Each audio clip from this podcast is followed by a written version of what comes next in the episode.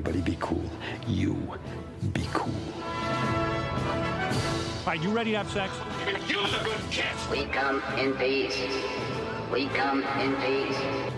You are the motherfucking Antichrist! We're gonna let you go, okay? Ok. Film er best på radio. I'm gonna make him an offer he can't refuse. Nova Noir.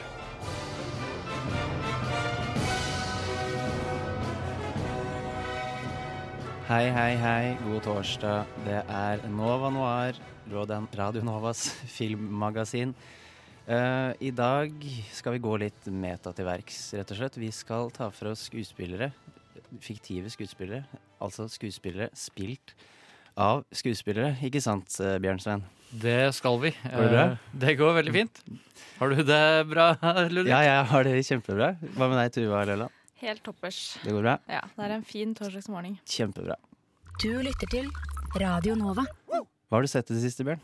Jeg eh, har sett eh, veldig on på liksom, den røde tråden med temaet i dag. Så eh, så jeg en film som het Sideways i går. Sideways? Oi, Ja. Den fra 2004? Ja, og ble Altså, du mener Sideways, Sideways, de som drar på, på vingårder og sånn? Riktig, Ja. med Paul Giamatti og Thomas Hayden eh, Church. Den digger. Eh, Det, det var en utrolig behagelig film også å se. eh, Og jeg har ikke hørt om den, faktisk. Og så viser det seg jo at det er en eh, Altså, den er jo ekstremt prisbelønt. Vant 350 forskjellige Den er eh, kjempekjent. Ja, den er det. Men gått- jeg hadde ikke hørt om Den den. har gått deg helt hus forbi. Den har gått meg helt hus forbi. Um, En forsvunnet skatt, altså. ja, og da eh, Den minna meg om så mange andre. Jeg føler det, Den har virkelig liksom spåna mange forskjellige filmer eh, etter det. Men det jeg kom til å tenke mest på da, var en film som ja, det er jo På at det er på den røde tråden, så er jo den ene av karakterene i, eh, eh, i eh, filmen er jo skuespiller. Men det fikk meg til å tenke på en annen film, The Trip. Som er en veldig metafilm. Den har jeg ikke hørt om. Eh, Men de, den engelsk-britiske Jepp. Ja. Rob Bryden og um, Steve Coogan. Steve Coogan. Takk skal du ha. Eh, du er god på navn. Det Ja, er jeg fint, fordi jeg glemmer navn. Men fordi det er Altså, The Trip uh, er kanskje det jeg nesten burde ha- valgt som film i dag, men siden jeg ikke gjorde det, så får jeg bare snakke fort om det nå. Uh, det er en, både en fiktiv og en ekte sånn reisedokumentar. Der Steve Coogan tar med seg Rob Bryden. Eh, de har et veldig rart forhold til hverandre. Og så drar de lignende som The Trip, der de Nei, som i um, Sidewise, der de drar for, mellom Der allting er liksom eh, satt inn i en sånn tur med vingårder og sånne ting. Så er det Trip til eh, den den engelske nordbygda. Eller landsbygda. Ikke like glamorøst, altså. Nei. Men faktisk ganske glamorøst likevel. Men det er, for det er så gøy å se Steve Coogan spille Steve Coogan og Rob Bryden spille Rob Bryden. Og halve, liksom, halve filmen Det er egentlig en, tre, en eh, serie i tre deler, men det er klippa til en film. Og halve liksom, filmen er bare rare er, er liksom bare sånn de som irriterer hverandre med imitasjoner og småkjekler. Og, men så, også så ekte og fint på en eller annen måte, så jeg anbefaler både Sideways og The Trip. Hvis du skal liksom sitte og ta et glass vin og bare kose deg, så er det fantastiske For det er filmer. veldig koselige filmer. Altså Yes. sånn Trenger ikke å sitte og følge med hele tiden. Ja, jeg- Eh, Jeg føler jeg har lyst til å se The Trip. Det, Mm. var en bra, det var en bra pitch. Det var kanskje feil ord. Hva har du sett, Tuva? Eh, Jeg har dukka inn i dokumentarverden, så jeg har sett eh, alt fra drapet på Holmenkollen til bortført innsynsvidde til Leaving Neverland. Så ikke kosete dokumentarer? Nei, egentlig skikkelig fæle dokumentarer. Ikke noen sånn kose, koselige greier. Men eh, det var vel Leaving Neverland som satt størst inntrykk. Det er vel, den er jo i vinden. Ja, den er det. Uh, og man har jo alltid visst at det er jo noe, noe gærent med Michael Jackson. Eller at det har vært noe Altså, han har jo blitt frikjent to ganger for eh, seksuelt misbruk av barn. Eller i hvert fall én frikjent én gang. Eh, så man visste jo at det var noe der. Men eh, når man bare hører de forklare akkurat hva han har gjort som små, mot disse små barna, det er bare Æsj. Det er skikkelig ekkelt. Men det har blitt pratet mye om innholdet, men som dokumentar, da. Altså sånn rent lagd. Ja, eh, veldig fin dokumentar, fordi den er en sånn, ganske sånn standard dokumentarstil. Altså, du har disse portrettintervjuene, og så går du tilbake i arkiv og mye arkiv med Michael Jackson og intervju med familien og sånn. Eh, så den byr ikke på noe nytt eh, dokumentarmessig. Men det er en grei dokumentar å følge, Det er definitivt en sjanger som er, er vanskeligere å eksperimentere enn Ja. fiksjonsfilm. Mm. Aiming for Emrike Hard Dance Brainia. Før vi går inn på filmene vi har valgt, og vi har to filmer og en serie som vi skal bruke som vår grunnstein for å prate om skuespillere som spiller skuespillere. Men først skal vi prate litt sånn, synse litt, skuespilleren på film, som en rolle. Der tenker jeg Altså min Min første tanke er at uh, i Hollywood, da, nå bruker vi Hollywood som uh, hovedaktør, da er det enten at de skyter, at de glorifiserer yrket veldig, eller så tar de det veldig ned, og med kjempemye kritikk. Det er ikke en sånn flue på veggen, observatør, film eller serie som jeg kommer på. Uh, hva syns dere?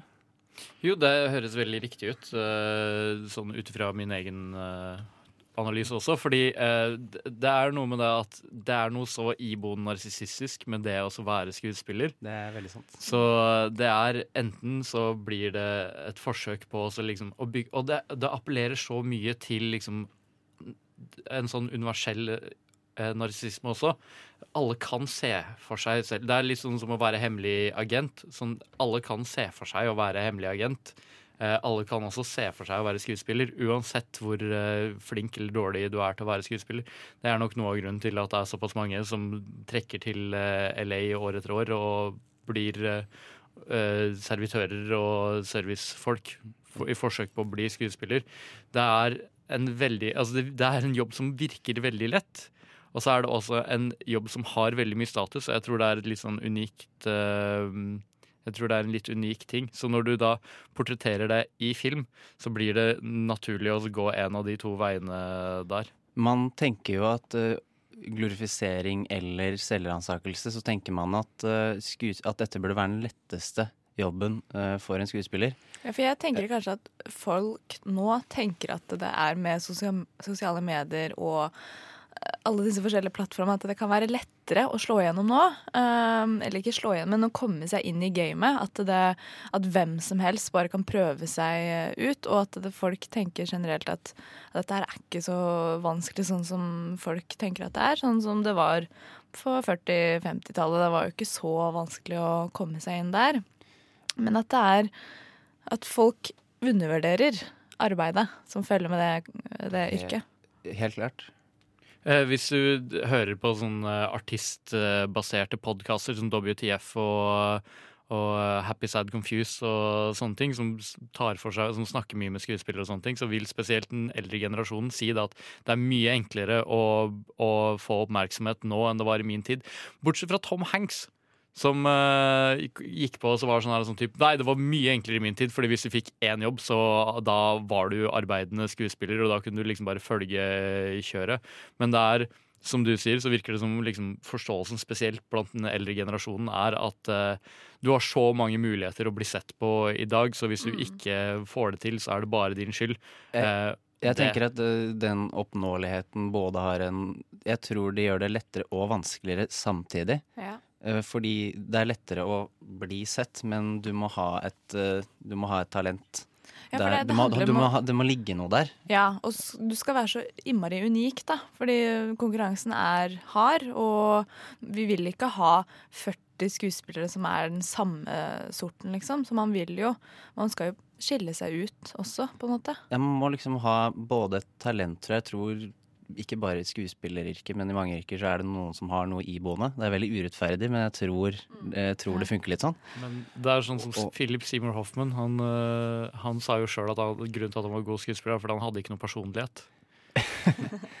Ja, det, det, jeg- det sitatet har jeg hørt før, og jeg skjønner det ikke helt, for han forklarte det aldri heller. Nei, bare, jeg tror det var basically bare det han sa. Han må finne personligheter Han var dritkjedelig. Og, men uh, bak på det, liksom sånn type det her med film For det er jo da artister, som de er veldig liksom sårbare, følsomme folk, uh, gjerne, som prøver å gjøre noe kreativt. Så det er altså da å portrettere det du enten håpte at uh, liksom karrieren skulle bringe, eller som en film vi skal snakke om tidligere gjør, ta oppgjøret med at ingenting ble som du trodde det skulle bli.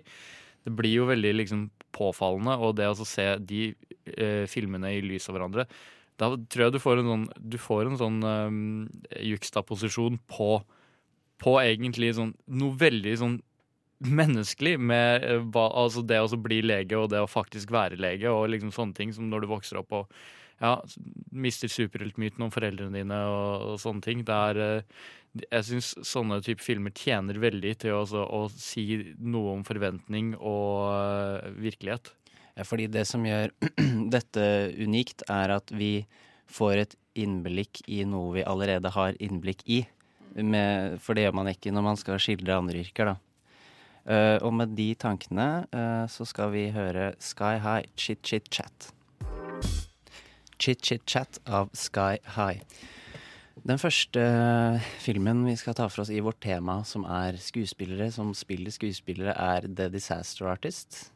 Som handler om Tommy Wiseau sin eh, ja, The Room. Det er, det er så mange ord man kan bruke om Ja. The Room. Det Hvordan er- skal man beskrive The jeg, Room? opplevelse, vil jeg kalle det. Opplevelsen som er The Room. Og, og den er jo laget av James Franco, og han spiller da Tommy Wiseau, Mm. som kanskje er en av de merkeligste figurene i Hollywood. Men før vi snakker om filmen, skal vi kanskje gå litt gjennom hvem, hvem er han? Hva var han? Ja, det er et godt spørsmål, fordi det er ingen som vet Jeg spør hva, fordi Ja. Hvem eller hva? Det er riktig.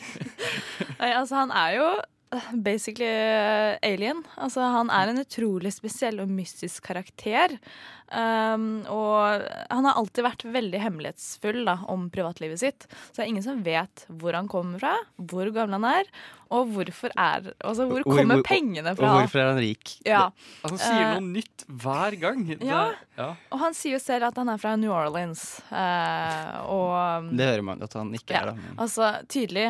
Han er jo fra et østeuropeisk land. Det er jo helt eh, Altså, du kan ikke nekte for det. Min store teori uh, før i hvert fall var at jeg trodde han var sånn barnet til en eller annen nazist som flykta til Argentina. Så, og vokste opp uh, oppi i fjella der uh, med bare liksom faren sin. Uh, Mm. var det jeg tenkte. Og det er derfor han har østeuropeisk eh, aksent. eh. Ja, men det, det er ikke den villeste teorien jeg har hørt om han heller. For det, altså det er utrolig mye rart som spekuleres. Men jeg leste i går at det var noen som hadde klart å funnet, eh, finne immigrasjonspapirene hans eh, når han kom til USA.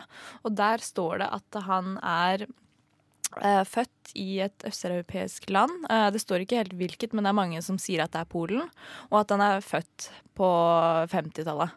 Så at han er mest sannsynligvis fra Polen og i 60-årene i Så dag. gammel, ja. Jeg tror det var broren til kjæresten til Greg Sestero, som er bestekompisen til Tommy Wiseau, som hadde, som hadde dratt opp uh, uh, immigrasjonsdokumentene hans på DMV eller noe sånt noe. Ja, Ja. Ja. Uh, og så er det jo et intervju i 2016 eller 2017 der han sier at ja, han er vokst opp et eller annet sted i Europa, men han er amerikansk og stolt av det. Altså det er, identiteten hans er å være amerikansk, ikke være fra Europa. Han, eh, det er sånn der, sånn, for han var i 20-åra eh, da han spilte In The Room, plugget seg sjøl. Eller da, liksom i The Disaster Artist. I'm your age. Men, men som skuespiller og regissør, hvordan kom han dit, tror vi? Det er ikke, noe, er ikke lett å si. Nei, altså, hva har han gjort? Altså, når han spilte In The Room, så må han jo ha vært i slutten av 40-årene. eh, Eller 40-årene i hvert, hvert fall. Eh, og da burde jo nesten enhver mann ha litt penger på seg. Men siden det spekuleres at den filmen kosta over 60 millioner dollar, hvor har han Altså, hva er det Men han har gjort som det- gjør at han bare har 6 millioner dollar liggende, liksom? At det spekuleres i Den må ha kosta sånn, i hvert fall fem. Jeg tror Ja. fem er det minste som Ja. den filmen kan ha kosta. Og det, det han har sagt selv, uh, ut ifra det jeg leste i går, er at eh, han jobba en hel del med småjobber, og så begynte han altså å kjøpe og selge eh, jeans med designfeil for en billig penge. Han brukte de pengene for å også bare kjøpe en hel haug med storage eh, spaces rundt omkring i eh, LA, tror jeg det var. Ja. Eh, og, så, og det bare fikk pengene til å rulle inn, tydeligvis, i han sjøl. Men det er som Greg Cicero sier, at det, det virker usannsynlig uh, å bygge seg opp så mye penger på så kort tid bare med å selge jeans og uh, leie ut lagerlokaler. Jeg tror det er litt penger å hente i å leie ut sånne lokaler, men ikke millioner. Uh, Nei, det, er, det ligger et eller annet på en eller annen bok et eller annet sted. Men Greg Sestero han, fort, eh, han, blir jo, han blir jo portrettert i filmen, han òg. Av eh, James Franco sin bror. Uh, Dave Franco. Hvem var Greg? Greg eh, Sestero var eh, en medskuespilleren eh, i Var en medskuespiller i Droom og den Tommy vi så til dags dato kaller sin beste venn, og fyren som skrev eh, boken som The Disaster Artist er basert på. Riktig. Og Nei, fortsett, Bjørn. Nei, det var ikke jeg. Nei, Tuva hadde noe på hjertet? Ja.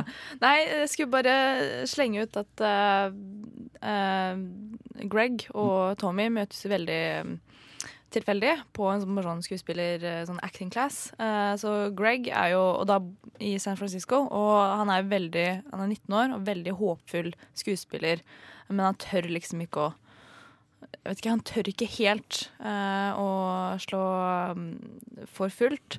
Så det er jo når Tommy sier at ja, her har du en mulighet, vi, la oss bi oss på et eventyr.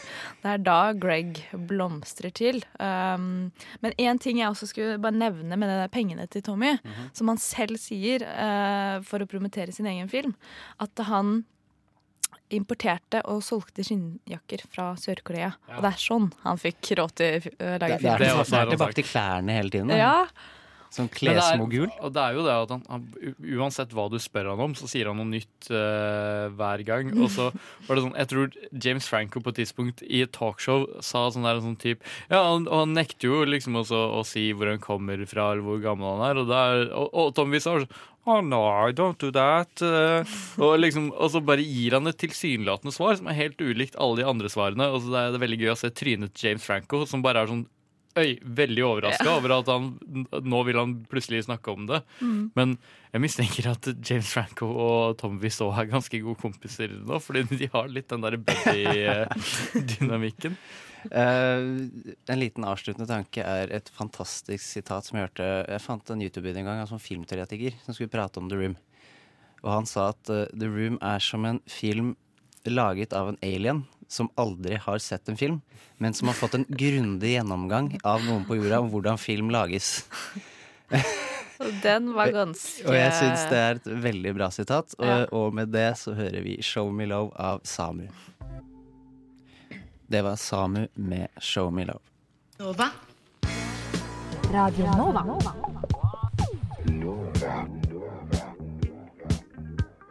Du hører på Radio Nova.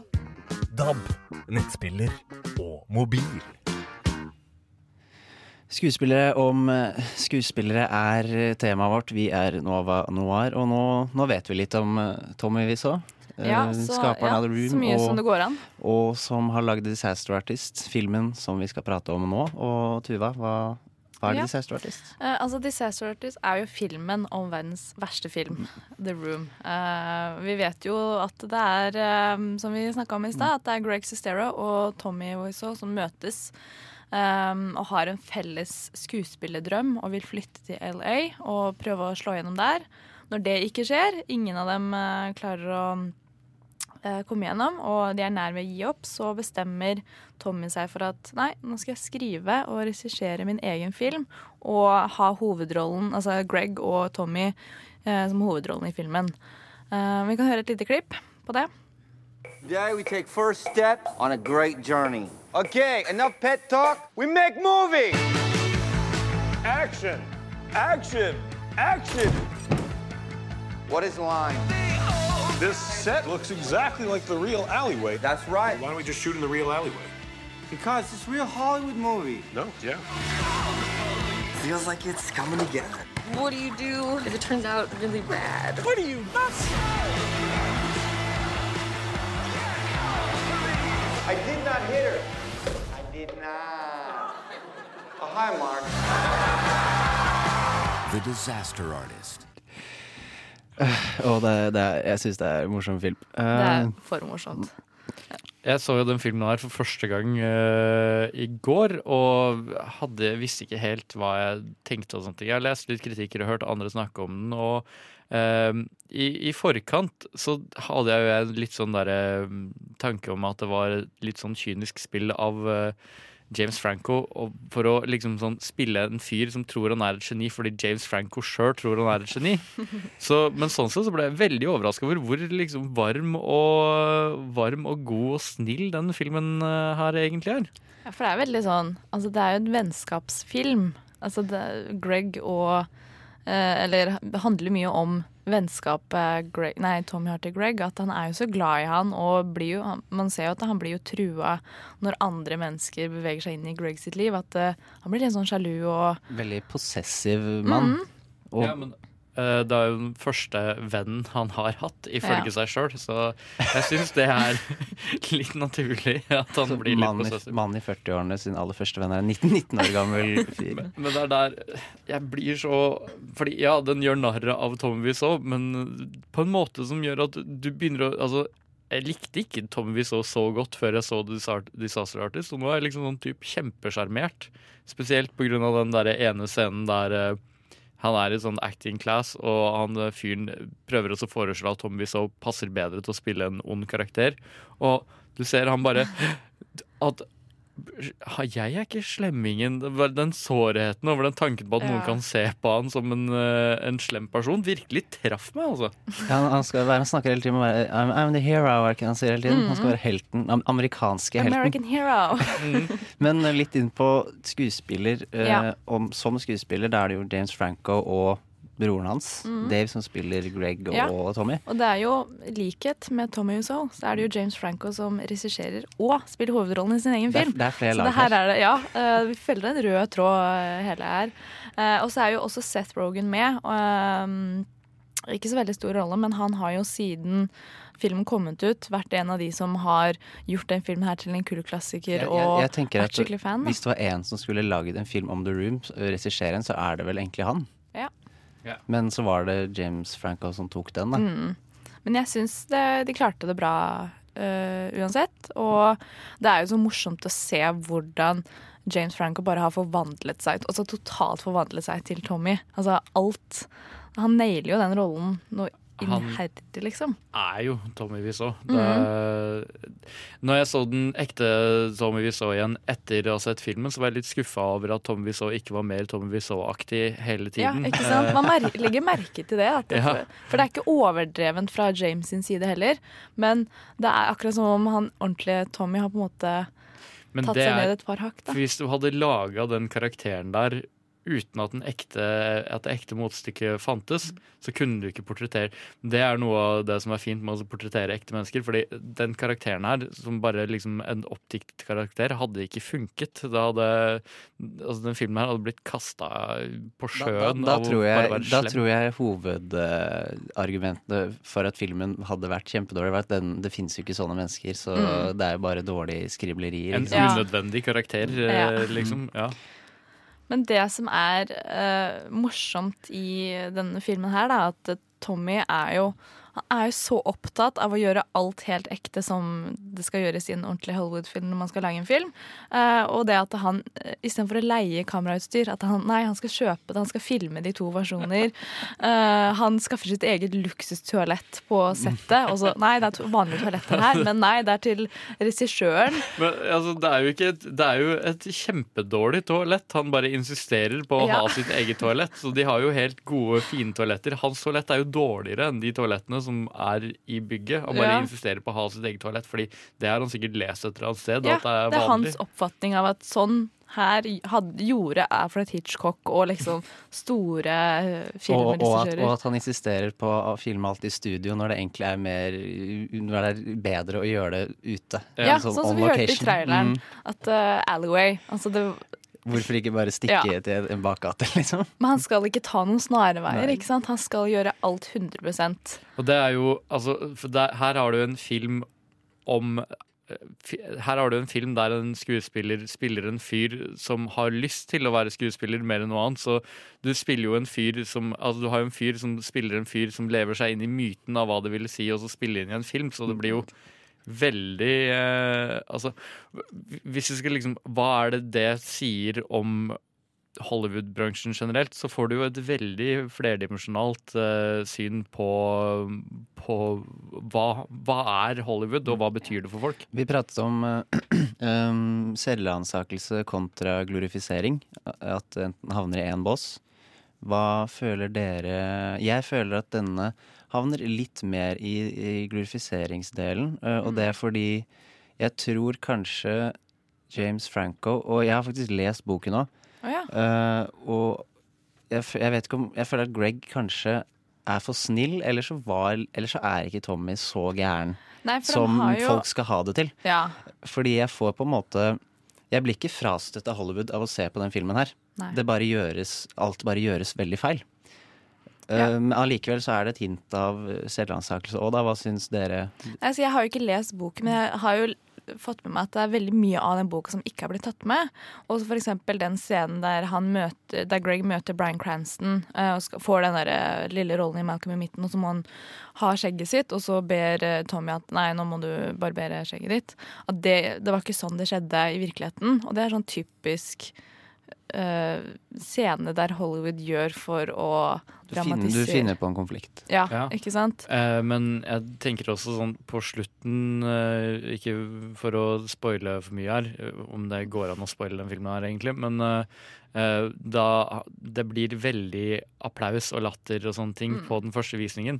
Tviler veldig på Det at. Det, det er mer sånn prøve å sammenfatte de neste fem årene av den filmens Ja. levetid. Ak akkurat det, den scenen ble jeg litt overrasket for jeg tror heller at det, det kan ikke ha skjedd. første gang Jeg så den. Jeg, jeg tenker at det er, det er en scene på en måte som vinker til 2017, da filmen ble laget. At Mm. dette er sånn vi reagerer nå. Ja, ikke sant? For det tok jo veldig lang tid før folk begynte å like den for at den er så dårlig, og se den som en kultklassiker. For det, jeg ser for meg at første uh, kinovisning, så sitter folk bare i en sånn skikkelig klein sammensetning og kanskje et par tørre latter her og der. Men det er ingen som står og klapper for harde livet. Jeg får, I Disaster Artist så får jeg veldig vondt av hun kvinnelige skuespilleren som spiller uh, Lisa. Lisa. Ja. You're tearing me apart, Lisa. Men uansett, så uh, For å, det opprinnelige spørsmålet ditt, Ludvig, så føler jeg at på den ene måten så glorifiserer det fordi uh,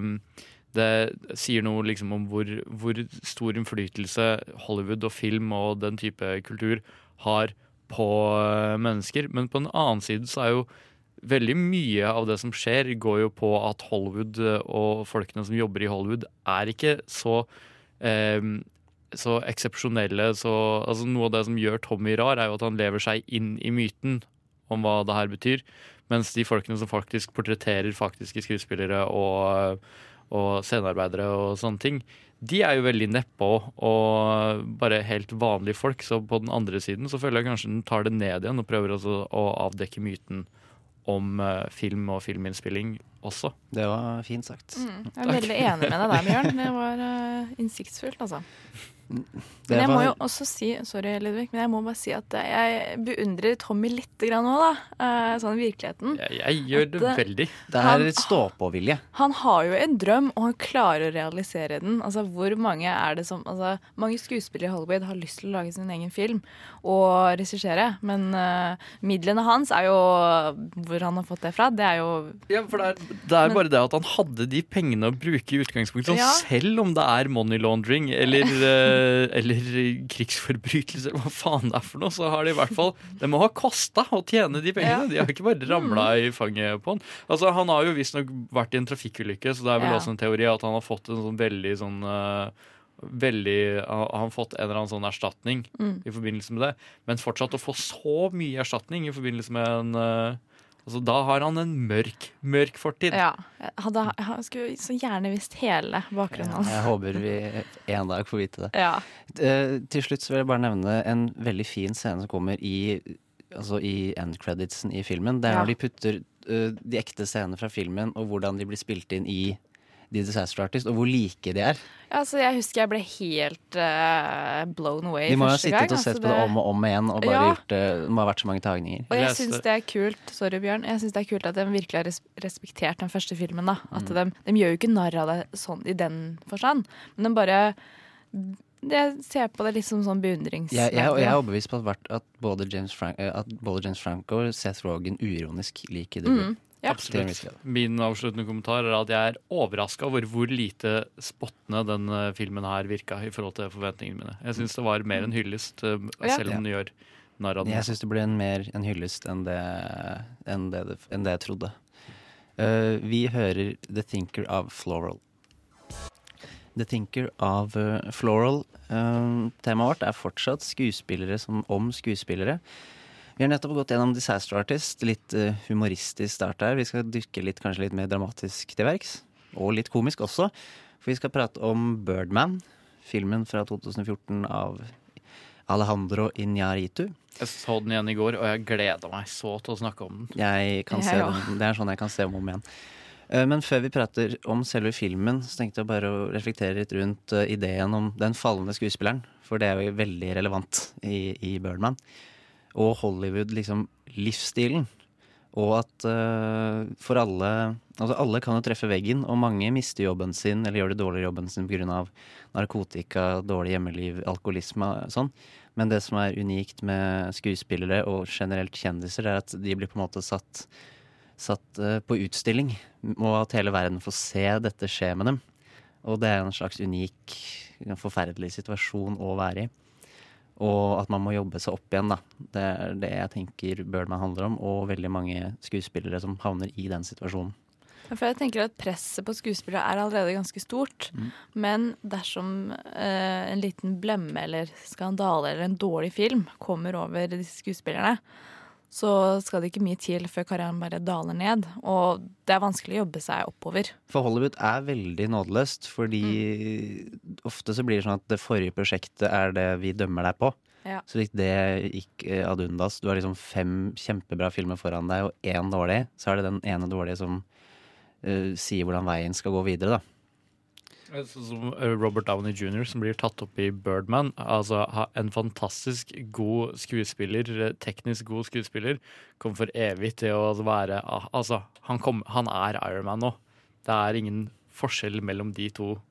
Eh, mellom personen Robert Downey jr. og Iron Man. Jeg tror de er så uløselig forbundet i folk flest sine hoder at eh, det er veldig få som kommer til å Jeg sliter i det hele tatt med å komme på en annen Robert Downey jr.-film, selv om jeg har sett flere. Det som er litt unikt med akkurat Robert Downey jr., det er at han fikk rollen som Iron Man da han var veldig langt nede. Mm. Eh, De fleste superheltskuespillere blir enten hyrt når de er relativt ukjente, eller når de er ganske på toppen. For det var en ordentlig sjanse den tok, da, egentlig. Veldig. Det var jo han. kontrakten at han ikke fikk lov til å ta noe som helst, og, Ja. og nå er han jo avholds og alt Ja, mulig for sånn. man glemmer jo nesten nå at han var så langt nede med rusmisbruk og Ja. inn og ut av fengsel og Ja, for alle, alle som var voksne eller vokste opp på 90-tallet, så er det jo det man tenker på når man Ja. tenker på han. Mens den yngre generasjonen Mm. ser han bare som Iron Man nå. Det er jo ikke noe annet. Og det er den forhistorien hans med narkotika og alt mulig eh, greier.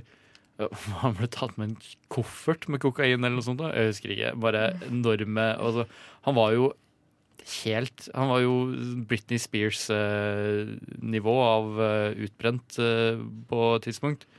Eh, det også Og det på tidspunktet var veldig liksom sånn type Robert Downey jr. var et sånt navn du sa, og så ble det litt sånn trist. eh, liksom Og nå er det sånn Suksesshistorie den én. nye suksessen har liksom malt det i et litt sånn kult lys, og den liksom dro seg opp fra mørket av eh, Ja, litt sånn som Jeg føler nesten eh, i The Dark Night, når den der i gropa er egentlig et bilde på karrieren til eh, Robert Downey jr.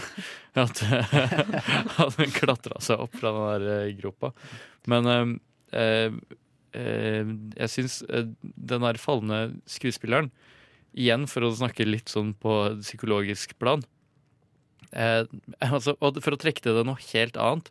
Da jeg var yngre, så var jeg på sånn eh, seminar med en eh, fjellklatrer som hadde sittet i en vegg et eller annet sted i Jeg tror det var Himalaya i tre måneder på en tur som egentlig skulle ta en eh, måned. Og bare fortsatte å pushe og pushe og pushe for å komme opp til, til toppen. Og så nevnte han i etterkant at liksom sånn typ, etter at han gjorde noe sånt, etter at han gjorde det der, så var han bare dritdeprimert i måneder etterpå. Fordi rusen av å, å få til det der var så innmari høy. Og, men så når du toppen, og så finner du ut at etter toppen så må livet fortsatt gå videre. Men du har allerede liksom nådd toppen, og jeg tror det er med filmer sånn som Birdman og det å portrettere den falne skuespilleren og se det populærkulturelt, eh, det kan være en sånn god lekse for å ikke bli for ambisiøs, på en måte. Det var en veldig fin avsluttende tanke, Bjørn. Vi skal ta med oss det inn når vi prater om Birdman etter Isbeger av Tødla. Isbeger av Tødla. Vi har pratet litt om den falne skuespilleren. Eh, og nå skal vi prate om Birdman. Uh, temaet vårt er skuespillere som skuespillere. Og Birdman uh, handler om Riggan, spilt av Michael Keaton, som etter en fortid som suksessutspiller, spesielt da som superhelt, Birdman, da, så har han truffet veggen og ligger langt nede og middelaldrende. Og for å prøve å hva kan man kalle det? Jobbe seg opp igjen eh, og få skuespillerkrediten tilbake, så har han laget et oppsett i Off-Broadway. Eller på Broadway? Off-Broadway? Det det, det er på Broadway. Det er på Broadway. Mm, Uh, hvor han da skal uh, menger seg med teaterfolk, og det er jo helt en ny verden for han, og det virker litt som han tror han kan det, men uh, og, og samtidig lever i sin selvmedlidenhet. We had it all. You were a movie star, remember? Who was this guy? He used to be Birdman. I like that poster. You wrote this adaptation? I did, yeah. And you're directing and starring in your adaptation. That's Yeah. ambitious.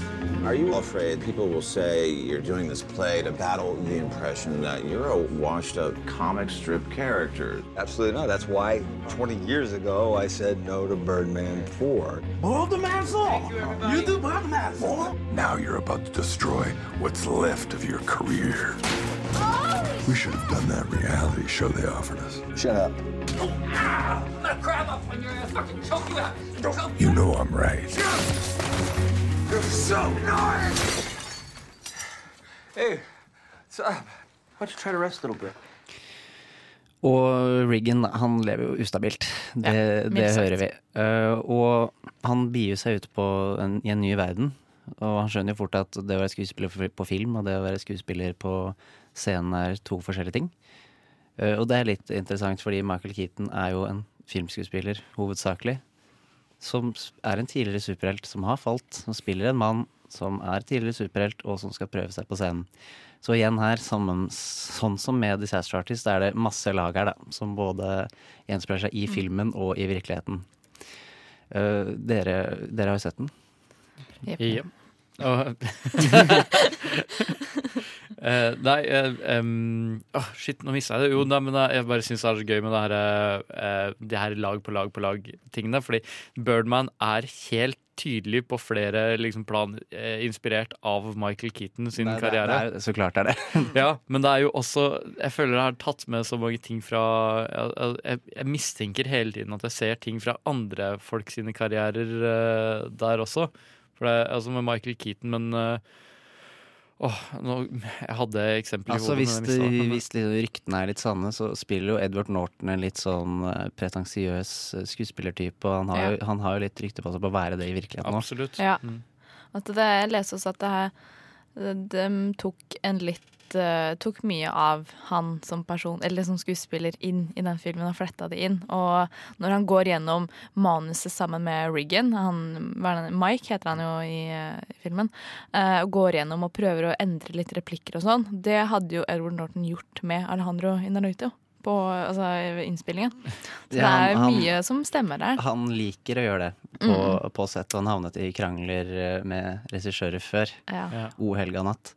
Eh, for han hadde den metoden også når han spilte Hulken, eller Bruce Banner, eh, tror jeg, som var, lagde en sånn veldig Jeg tror noe av grunnen til at det ikke kom en toer der han spilte Hulken, var fordi han var så vanskelig. For han skulle være Hulken på eh, sett. Ren ryktespredning fra min side, men jeg mener å ha lest det, at det er noe av grunnen til at det ikke kom en Hulken 2 med Edward Norton, Uh, er fordi han var så jævlig vanskelig å ha med å gjøre, fordi han skulle eie det filmsettet. Eh, dette er jo en film som handler om skuespillere som skal spille på scene. Mm. Uh, og filmen uh, er jo så filmet på en spesiell måte. Den er filmet hovedsakelig bare inne på, inne på teatret og litt utenfor. Og jo den er, og den er filmet med, med 22 klipp, tror jeg bare. Hvorav 15 av dem er så å si usynlige. Ja. Så det ser jo ut som et te teateroppsett. Og filmen måtte spilles inn som om det var et teaterstykke. Det var ikke noe rom for improvisering. Alt måtte sies der, der, der. Du må gå dit nå, nå, nå. Uh, Så det er veldig gøy at uh, det er på en måte et teaterstykke på film, spilt av filmskuespillere, Mm. som skal spille sceneskuespillere. Eh, Det syns jeg er veldig interessant. For det er det jeg liker best med den filmen, altså selve filmingen. Fordi vi, publikummet som ser på filmen, blir på en måte en tilhørende del eh, til disse teaterfolkene. Du, det filmer liksom ovenfor skuldrene til folk. Eh, du, er rett bak dem. Du følger med, du er med liksom hele eh, filmen. Eh, og man er tett innpå dem, og det blir på en måte en mer intim opplevelse istedenfor å bare ha dem rett foran. At du er, du er litt med, da. Jeg føler at jeg går i gangene der, jeg. Ja. Spesielt i, i scenene bak, backstage. Som er veldig trangt og klaustrofobisk, og alle klager på hvor varmt det er og sånn. Jeg Man får de følelsene, følelsene selv. Begynner å svette litt. Jeg tror hver gang det er noe sånn backstage-greier, hver gang det ikke er en sånn stor scene som når han flyr og sånne ting Uh, Og når det er ute, så kan kameraet liksom ta en pause fra å følge rundt, men jeg tror når de er backstage, så utelukkende så virker det som kamera kan ikke flytte på seg med mindre eh, en karakter går et annet sted. Så du må liksom følge karakteren. Eh, Rytmen, liksom, Mm. til eh, karakterene. ja. Og den filmen her er jo drama og komedie. eh, Er den blanda som? Jeg, ja, det er en veldig bra beskrivelse, egentlig, fordi Ja. jeg syns det er 50-50. Mm. Men når vi, går, når vi snakker om den glorifiseringen uh, kontra selvransakelse, her er jeg veldig på den selvransakende Mm. delen av det å være skuespiller. Absolutt. Det, for eksempel, eh, han, det virker ikke som han egentlig vil eh, lage et stykke. Han gjør det liksom for å få en sånn oppreis, skuespillermessig han- oppreisning. Han både søker tilbake til røttene sine og til liksom den, den følelsen av å skulle liksom være unik og, og ekte. Og det her ektehetsbegrepet, noe som jeg synes nesten er forkastelig i moderne tid, at allting skal være så fuckings autentisk. eh, Den her tar liksom sånn det veldig opp, og det er grunnen til at det er på scenen. Fordi sceneskuespill er mer autentisk enn der sånn Hollywood-drit. Der har du den scenen hvor Edward Norton og Naomi Watts eh, skal slåss under eh, dyna, og så, eller skal ha sex, og så bare får Edward Norton, uten at han har sagt ifra i forkant, bare kan vi ikke bare ha sex på ordentlig? Ja. Og autentisitet, og at han klager på at det bare er props inn i kjøleskapet, at det ikke er ordentlige bananer og yoghurt og sånn. klikker jo på det på scenen under en av liksom de preview uh, Ja. For jeg tenker at det er litt motpoler mellom Mike, som er teater, og Regan, som er tidligere Hollywood-stjerne, liksom. Fordi Mike bryr seg egentlig ikke om folk liker han eller ei. Uh, han er ikke så opptatt av ryktet sitt som Regan er. Um, så jeg føler liksom at det symboliserer som Hollywood møter teatret. Mellom de to fyrene. Jeg liker den uh, eh, bare fort uh, når, uh, når de er ute på byen og egentlig Edward Norton holder en sånn hel greie. Jeg er faktisk skuespiller, jeg er mye bedre enn deg-greie. Og så plutselig så kommer det en familie bort og liksom bare sånn Å, kan vi få autografen din til Riggan?' Og ingen kjenner igjen Edward Norton. Det syns jeg var et veldig Ja. bra øyeblikk. Det, ja, du bare ser at ja, den ene er ordentlig skuespiller, men den andre er en ordentlig personlighet. Ja, fordi det er jo også litt en høy, høy og lavkulturgreie, og de som Mange vil hevde at de som er i den tradisjonelle lavkulturen, ofte blir mer kjente. Mm. Um, og der, uh, der hadde jeg egentlig en tanke som uh, forsvant. Så handler det jo litt om at eh, Sånn som Briggan, som spiller en blockbuster superheltfilm, de blir jo generelt mer kjente for publikum enn de en teaterskuespiller vil være. Altså, Teaterskuespillere er kanskje mer anerkjente, men uh, sånne Hollywood blockbuster-skuespillere er jo mer kjente. Men han er altså branda, og han virker jo ikke som han er så fornøyd med det sånn senere i livet. Nei, altså, men virker det også, virker det også som at han hadde ikke Det er ikke forsøket på å redde karrieren sin som er grunnen til at han tar til scenen. Fordi han er et stort navn, og han kunne sikkert fått jobb med mye forskjellig, men han tar det til scenen og bruker alle pengene sine på det her scenegreiene. Bare sånn, Fordi han trodde at det å bli, skulle liksom bli stor stjerne skulle være en ting, og så var det ikke den tingen. Og så prøver han å finne den opprinnelige det, altså det opprinnelige målet sitt i den scenekunsten, men det, det er ikke der. Nei, for det er mye, det er mye midtlivskrise her, og dette teaterstykket er på en måte motorsykkelen hans, da. Ja. Og jeg tenker også at det handler mye om å være relevant igjen. At uh, nå kommer han opp igjen i den moderne verden, på en Og måte. Og så vil han være, komme opp igjen et annet sted enn der han var før. Ja. I det Se som han tror er mer ekte, tror jeg. Og så finner han ut at det kanskje ikke er det, da. Det er nesten, altså det er omtrent like fake som Hollywood, kanskje, bare på en litt annen måte. The virtue of ignorance. Ja, Sånn som når Edward Norton rolle Mike, når han sier at eh, det fins Når de snakker om hun der eh, Når de ser en sånn teaterkritiker inne på den baren, så sier han at hun er den eneste egentlig relevante til å si noe om teater i hele New York. Og så er det 100, sikkert 100 til, og da er det sånn Da er det jo monopol. Det, er- det, er, det, er samme, det, er det samme korrupsjonen som det er liksom i filmverden. Det er samme Den portretteringen var et nydelig lite stikk til kritikerkulturer generelt, følte jeg. Jeg likte det veldig godt. Og her sitter vi. Men det er nøyaktig derfor jeg likte det veldig godt. Så. ja. Ja, Da har vi prata litt om den, den falne skuespilleren og Michael Keaton, og jeg, jeg bare liker filmen bedre og bedre. Spesielt nå, jeg- nå som jeg har fått litt tid til å tenke litt på nå. Helt enig. Jeg følte det var en helt annen opplevelse når du eh, sitter og du skal tenke litt. Eh, Bare på yrket. Ja, og fokusere på det, fordi det er fort gjort at man ikke tenker noe særlig over når man bare ser en film. Altså Første gang jeg så Disaster Artist, så tenkte jeg ikke noe over at eller Birdman, at det, at det her er faktisk en film om et spesielt yrke. At man tenker, man blir bare revet med i filmen. Men så det var, eh, jeg syns filmen ble, eller Birdman ble jo hakket mer interessant når man tenker over hvordan er det som å være skuespiller og på teater. Enig. Vi hører We Are The Sun av Salt. Det var Salt med We Are The Sun. Skuespillere som skuespillere er temaet vårt, og vi har jo Nå har vi pratet om to filmer, Birdman og The Disaster Artist, på, som på hver sin måte beskriver litt hvordan det er å være skuespiller gjennom skuespillers øyne. Nå skal vi rett og slett over på en serie, og det er Entourage. Mm. Og det handler jo om Hollywood-stjernen. Og før vi går inn på selve serien, skal vi raskt gå gjennom hvem er Hollywood-stjernen? Hva er Hollywood-stjernen? Ja, det, er- eller uh, i kontekst entourage så er det jo nesten mer hvem er det vi vil at Hollywood-stjernene skal være, og hvordan er det Altså, det fantasien om Hollywood-livet. Eh, liksom. Så her er det jo definitivt glorifisering som uh, spiller inn. Det er det, men uh, Ja, for Hollywood-delen for meg, det er mer en, en sånn myte enn det er For man ser jo aldri bakgrunnsarbeidet og hva som skjer i bakgrunnen. Mm. Eh, og de aller, aller største. Så man vil liksom være dem, men ikke være dem. Nå Mm. har jeg falt inn i en rar eh, tankerekke her. Nei, men altså, det er jo uh, Man tenker jo Ja, man vil være de, men det er mye bak det som uh, vi skal være glad for at vi slipper, da. Hvis vi ser på for eksempel sånn som altså de andre tingene som vi har plukka her, så, har jo det, så sier jo det mye om, om bare sånn virkeligheten av å være skuespiller, av å leve i den bransjen, og alt eh, liksom stresset som følger med å være en eksponert person, og, og hele den sulamitten, og det å nå toppen, og så aldri liksom greie å nå toppen igjen, og ja, alt eh, bak fasaden. Mens eh, liksom Hollywood-stjernen sånn gjerne portrettert bare sånn overfladisk på film iblant, som en bikarakter etc. Californication sant, har de her Hollywood-stjernene sånn bare nesten i bakgrunnen og den der sjuke livsstilen øh, så videre. Og det er jo mer Nesten som om her blir laga film for å appellere til det bildet som blir bygd opp i tabloider Og de, de største stjernene er ikke de som er flinkest i arbeidet heller. Det er, de, det er de som eh, har det villeste livet utenom. Ja. Og det er jo egentlig litt trist. Man skulle ønske at de som var flinkest, på en måte ble størst.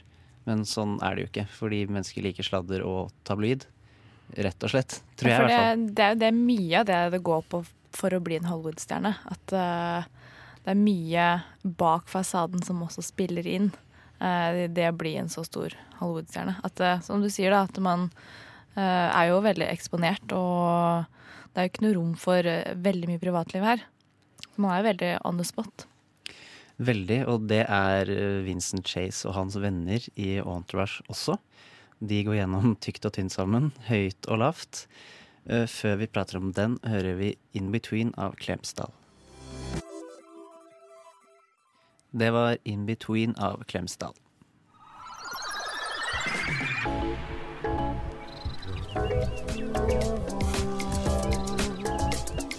Radio Nova.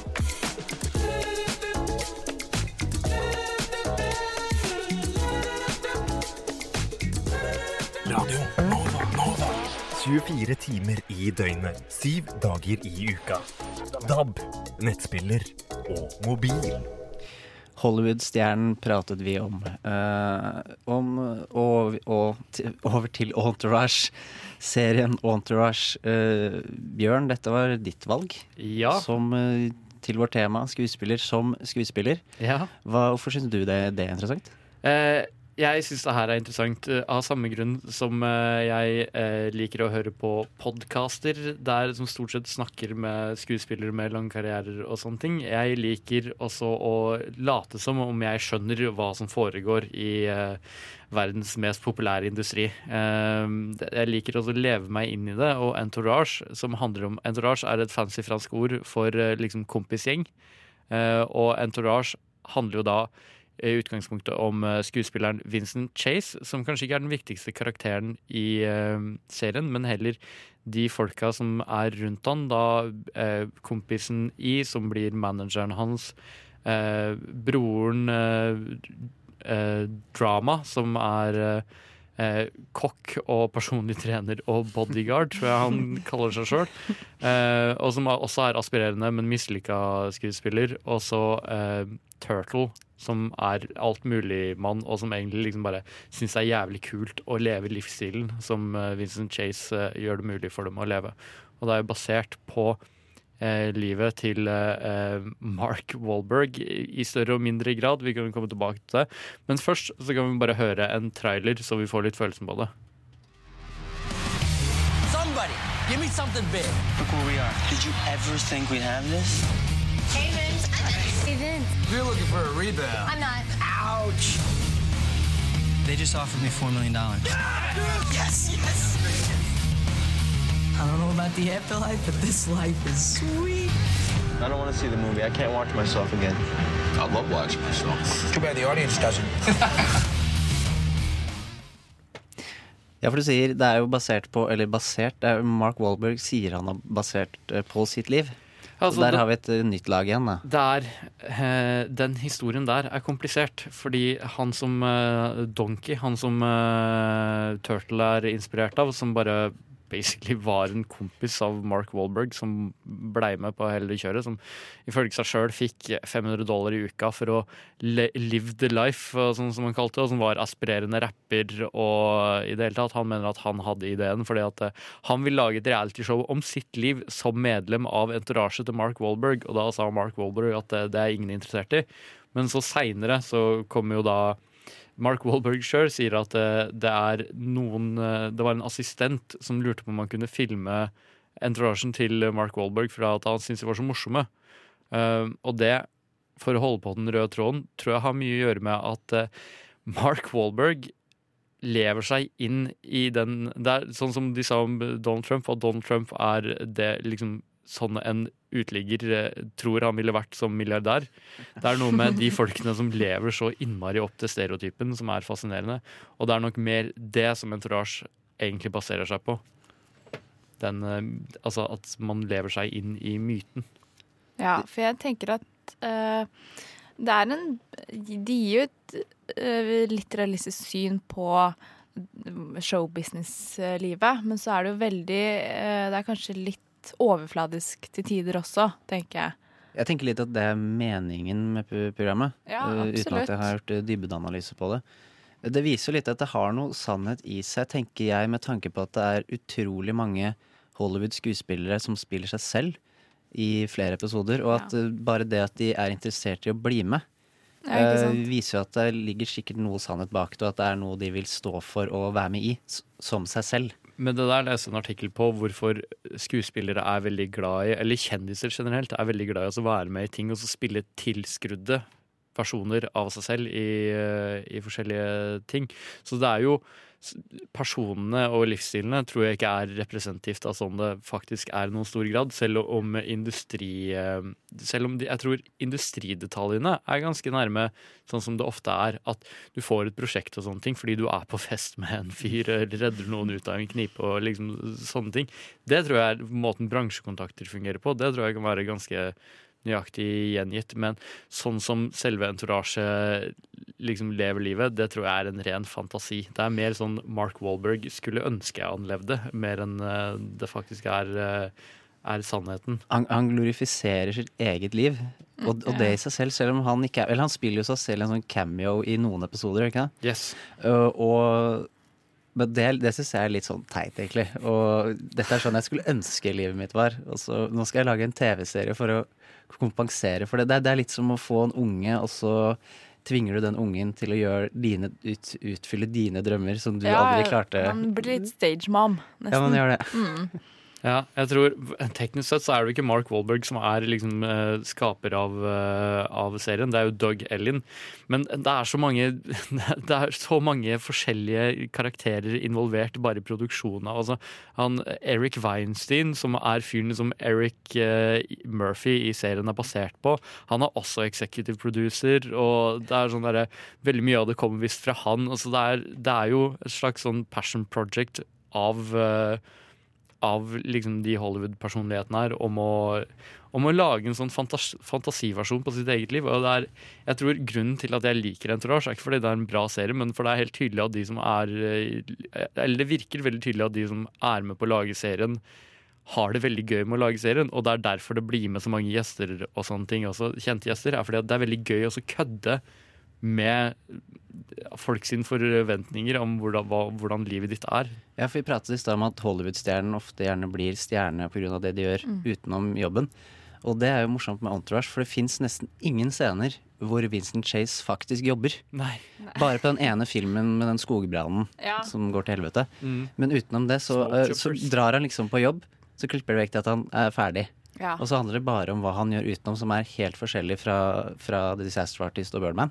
Ja, ikke sant? Også det i det hele tatt at han han gjør veldig lite for sin egen karriere. Altså, han kan, når han skal snakke med sånne produsenter og regissører, da er han flink til å gjøre jobben sin, på en måte. Men ellers er det jo bare I som må rydde opp og ordne opp i alt Han, det her. er Vince har pengene, men det er jo alle rundt han som gjør alt. Mm. Egentlig. Ja. Nå har vi snakket i nesten syv minutter uten å nevne Ari Gold også, som jo er kanskje hovedtingen som Entourage har, er jo, er jo uh, Ari Gold, uh, spilt av Jeremy Piven. Jeremy Piven, som jo visstnok som er et bransjerævhøl, og som spiller et annen type bransjerævhøl i, i uh, serien, og som gjør det veldig, veldig bra. Um, det er jo altså Det er noe med den, den fascinasjonen av liksom virkelighet gjengitt i kunst gjengitt uh, som virkelighet. Er det Altså Det eneste som mangler nå, er at Jeremy, Jeremy Piven faktisk spiller en skikkelig drittsekk som er skuespiller. Ja. Så, Den hadde jeg sett, den filmen. Fordi Ja, Jeremy. Piven, uansett hvor rævel han er, er så jævlig god. Men hvem andre kunne ha skildret den rollen så bra som han? Altså, ja, det, må, det, må, det, må, det, må, vel, det må vel kanskje en rass til Mm. for å gjøre det. Ja. For agenter er jo ofte Eller stereotypen tilsier at de er ganske harde. Mm. Men det skjønner jeg kanskje at de må være, for det er mye primadonna-nykker blant disse skuespillerne de har som klienter. Ja, for jeg syns uh, på en måte det agentlivet kontra skuespillerlivet At det er to forskjellige skildringer der også, i den serien. At man uh, merker uh, hastigheten, på en måte. Han blir jo nærmest en hovedperson mot slutten. Ja. Ja. Og når de lagde filmen, så fikk han bedre betalt enn noen andre, tror jeg. Så, ja. Så Entourage summa summarum handler vel egentlig mer om det bak. Altså det vi prater om, kanskje det ikke bra tingen med å være Hollywood-stjerne, eller at begrepet mangler litt, da. Ja, fantasien om. Fantasien om det er det Entourage handler om, ikke skuespillere som driver med skuespill. For det skjer jo ikke noe skuespill i, i Nei. serien. Nei. Uh, med det så får vi Behind the Flag av Kubrick. Det var Behind the Flag av Kubrick. Radio Nova.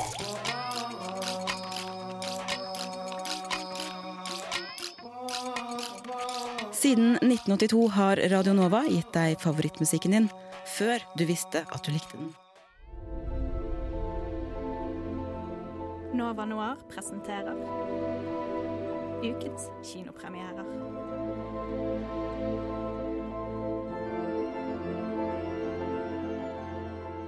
Det er på tide med dagens første premiere, og Ina Sletten er i studio sammen med oss. Hei. Hallo. Du har sett uh, Natalie Sportmans nyeste, Vox Lux. Ja, Vox Lux. Og hva handler Vox Lux om? Ah, Altfor mye. Eh, den handler om eh, Det begynner da i eh, 1999, eh, en skolemassaker, eh, og Celeste eh, blir utsatt for ja, um, at en av klassekameratene hennes uh, skyter både henne og resten av klassen. Hun overlever og uh, lager da en sang som blir plukket opp av nasjonen, og denne sorgsangen som liksom skal hedre klassekameraten hennes, er da starten på musikkarrieren hennes. Og vi følger henne gjennom en, kanskje, et barn da, som kanskje vokser opp altfor fort og aldri får lov til å liksom håndtere de traumene hun har ja, pådratt seg. Da. So, from the public's perspective, this has been a emotional few years for you. Can you tell us what audiences can expect from the new album? This is a culmination of my life's work so far. I was under a lot of stress after my accident, but that's what the show is about. It's about rebirth.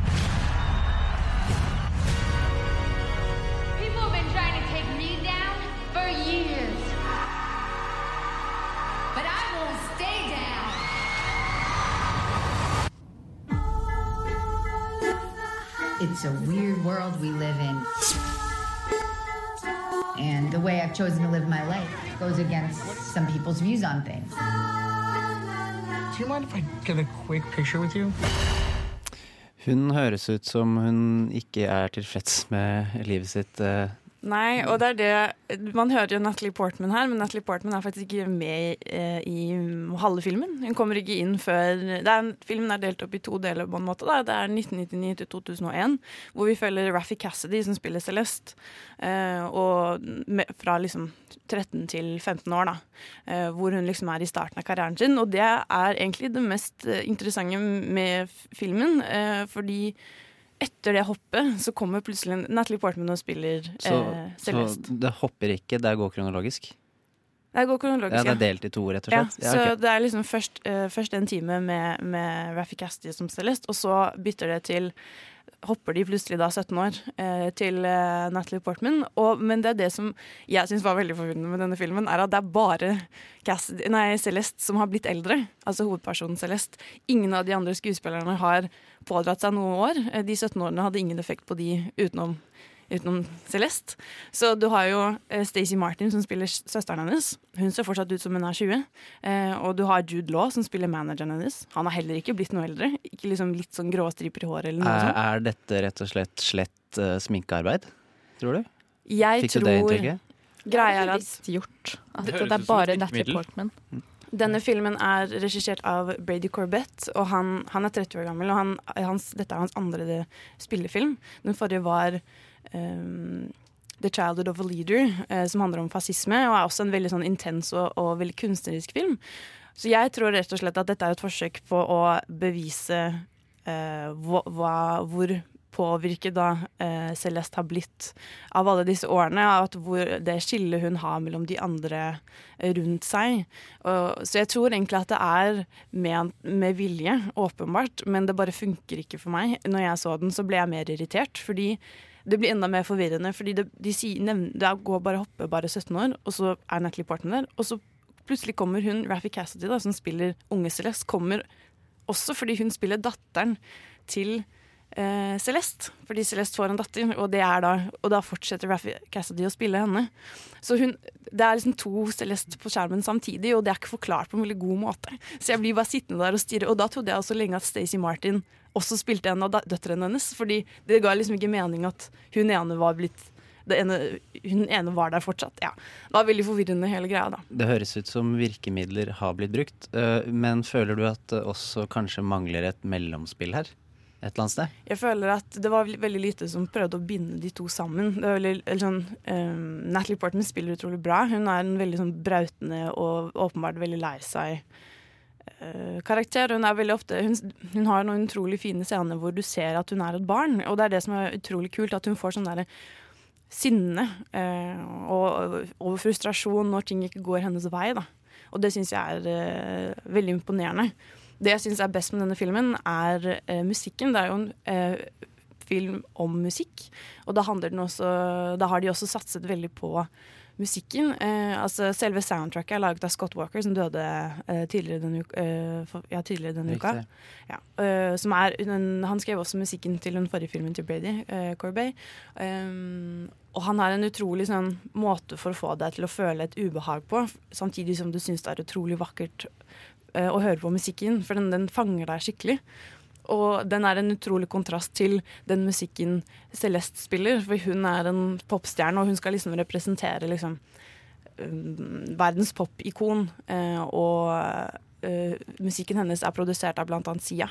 Har laget ti av hennes uh, sanger. Og hele siste 20 minuttene av filmen er bare en konsert med Celeste.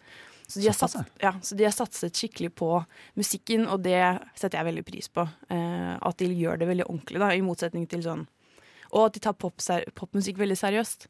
Sånn som i A Star Is Born, da, med den Når Ally liksom blir sånn pop, poppete, så har hun en eller annen superteit sang om Why you wear jeans like that.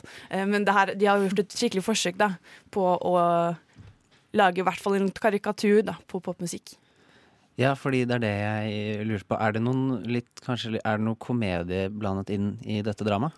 Nei, det syns jeg er vanskelig. Eh, det er en film som handler om å Eller setter paralleller mellom popmusikk og terrorisme.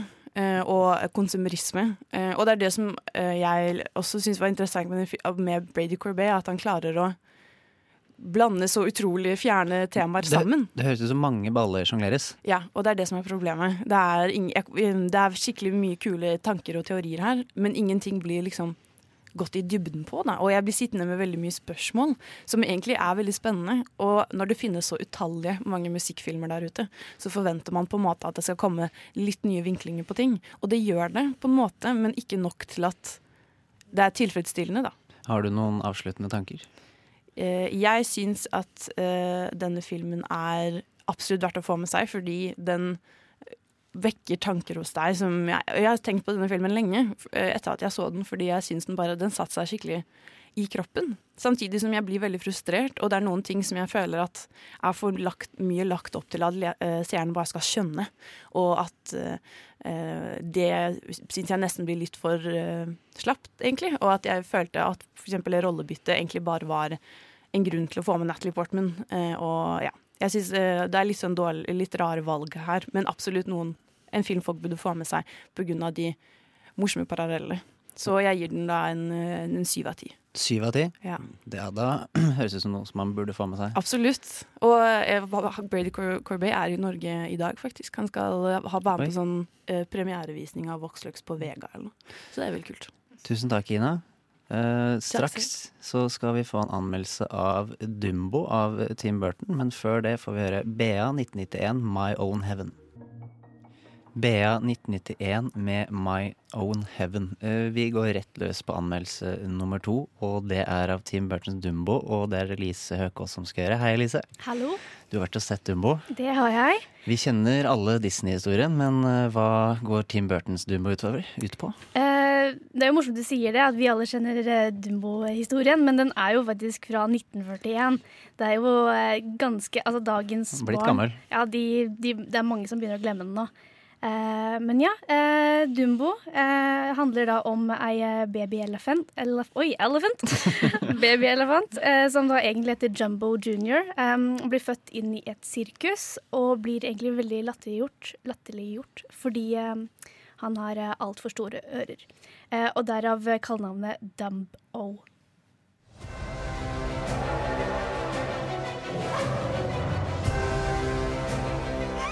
Have something very rare. You have wonder. You have mystique. You have magic. Come with me. Together, we can soar on elephant's wings. What's happening? Where are they taking her? Take Gumbo back inside. But she's his mom. Do something. He needs us. Look at me. We're gonna bring your mama home. Mye, mye som skjer, eller hva er det som egentlig? Moren forsvinner. Det, det er det egentlig alt handler, om. Eh, Dumbo blir fratatt fra moren sin, egentlig for sånn ikke en spesifikk grunn. Det er bare at eh, Max Medici, som er spilt av Dan DeVito, eh, er skuffet over handelen av eh, elefanten fordi han, den fikk en stygg unge. Så han ønsker å eh, gi bort elefanten, og dermed blir, de, blir um, Jumbo eh, skilt fra babyen Dumbo. Eh, og da er det på en måte jakten, da. Men eh, den Altså, det blir litt glemt i filmen. Eh, det blir litt borte. Eh, og eh, det kommer liksom andre ting inn som er viktigere, da. Eh, som for eksempel eh, Holt, som er en sånn krigshelt som kommer tilbake til sirkuset. Der eh, barna hans eh, jobber, på en måte. Eller de har heller ikke en sånn spesifikk rolle hva de gjør i eh, sirkuset, men de er der.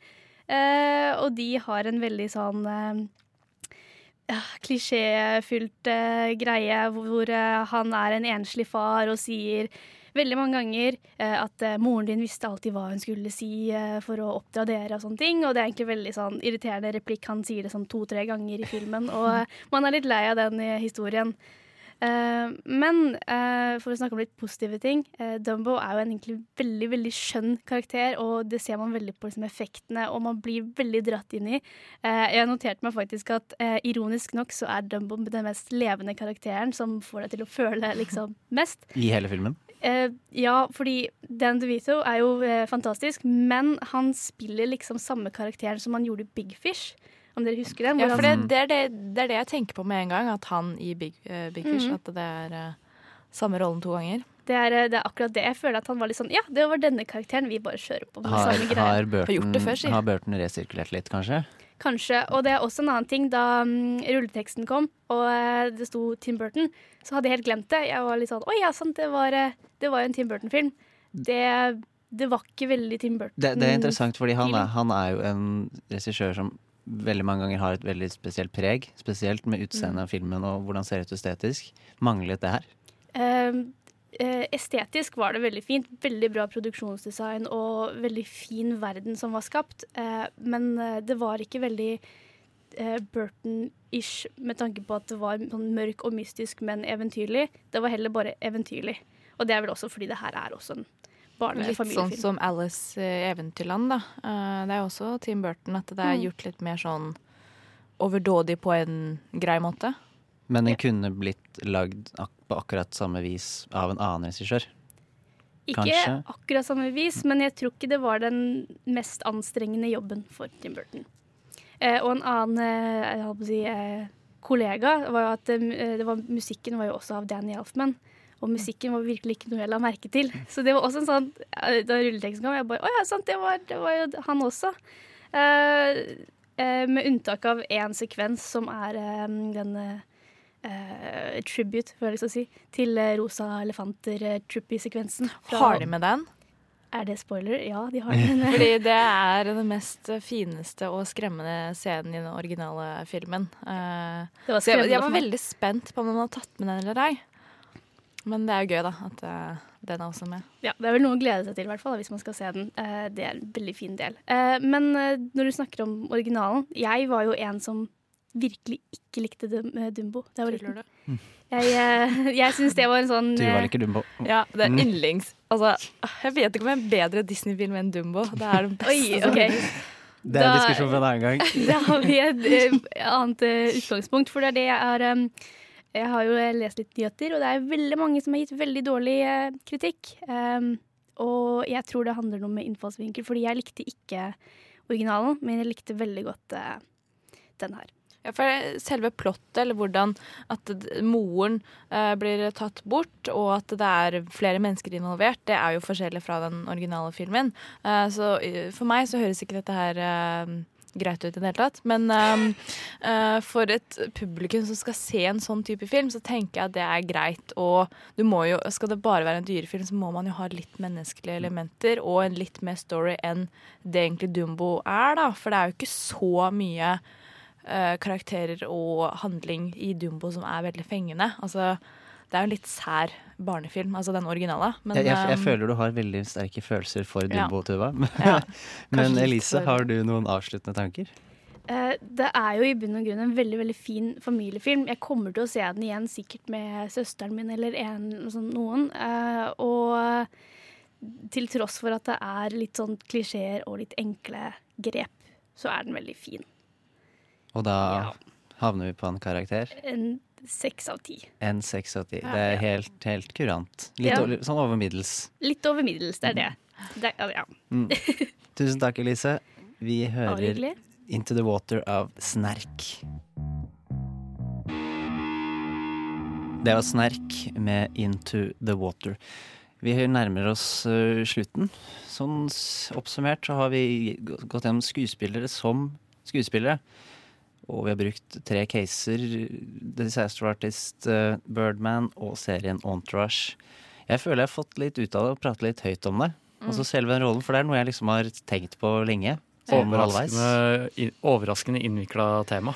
Ja, var det? det var det. Man tenker at det er eh, ganske enkelt å Jeg- jeg forstå seg på. men, jeg eh, følte jeg liksom kom inn i studiet med sånn kjempeklare meninger. Så, dette, sånn funker det, og dette liker jeg sånn. Men så plutselig ble jeg veldig mye ydmyk fra første minutt. Det er så mange lag. Ja, ja det er det. Og filmene vi har pratet om, har veldig mye lag, de også. Mm. Uh, i liksom bare Mark Wahlberg i, som jeg spiller jo ikke i Entourage, jo, han gjør jo det Jo, han gjør og det også, produserer og lager en person som mest sannsynlig er fantasi-Mark. Ja. Eller Eh, Doug, Offisielt så er det jo Doug Ellen som lager den karakteren inspirert av Mark Wahlberg. ja, men men, det skal jo sies at Når, de, når, han først, eh, når, han når de først pitcha serien, så ville ikke HBO lage den, og det var fordi det var for brutalt og hardt. eh, For, for realistisk, om du vil. Yes, så Eller da- ordet du hater, autentisk. Ja. det er sånn smile. Nei, men for, tydeligvis altså, Livet til Mark Walberg Wahlberg var for hardt for, uh, for HBO, tydeligvis. Så det, For HBO, ja. Så allting er blitt pussa på så det skal være seervennlig. da. Så det er jo sånn vi endte opp med det endelige produktet. Jeg syns det er litt eh, robust i serien òg, jeg. Ja, det syns jeg jo. Ja, jo, men ja, hva sier det om virkeligheten? Jeg vet ikke. Det, Nei, vi har jo pratet litt om virkeligheten òg. Det er jo ikke alltid de gjenspeiler virkeligheten. I hvert fall ikke den. Nei. Det er vel, Nei. men de filmer som skuespiller som skuespiller gjenspeiler kanskje litt mer hvordan de vil at vi skal se på det. Mm. Eh, eller den fantasien vi har. Samtidig som de prøver å lage et realistisk poeng. Og så tror jeg det bare er et sånn behov for å, å harselere med eller eh, leke med eh, liksom ideen om seg sjøl, på en måte. Det er en slags renselse også, å lage de her skuespiller om skuespillere-filmene. Definitivt. Og så spørs det veldig om vi noensinne kommer til å få en uberrealistisk versjon av hvordan det yrket egentlig er. Ja, At jeg, noen jeg håper det kommer. Faktisk vil Jeg fremstille sånn som det er.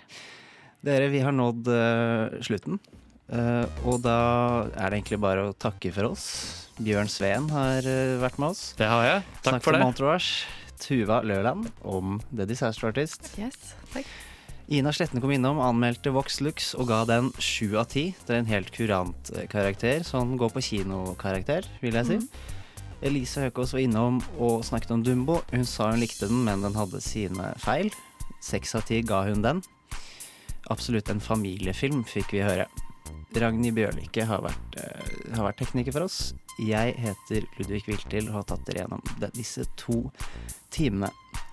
Så er det egentlig bare å si uh, ha det. Ha det bra. Ha det bra.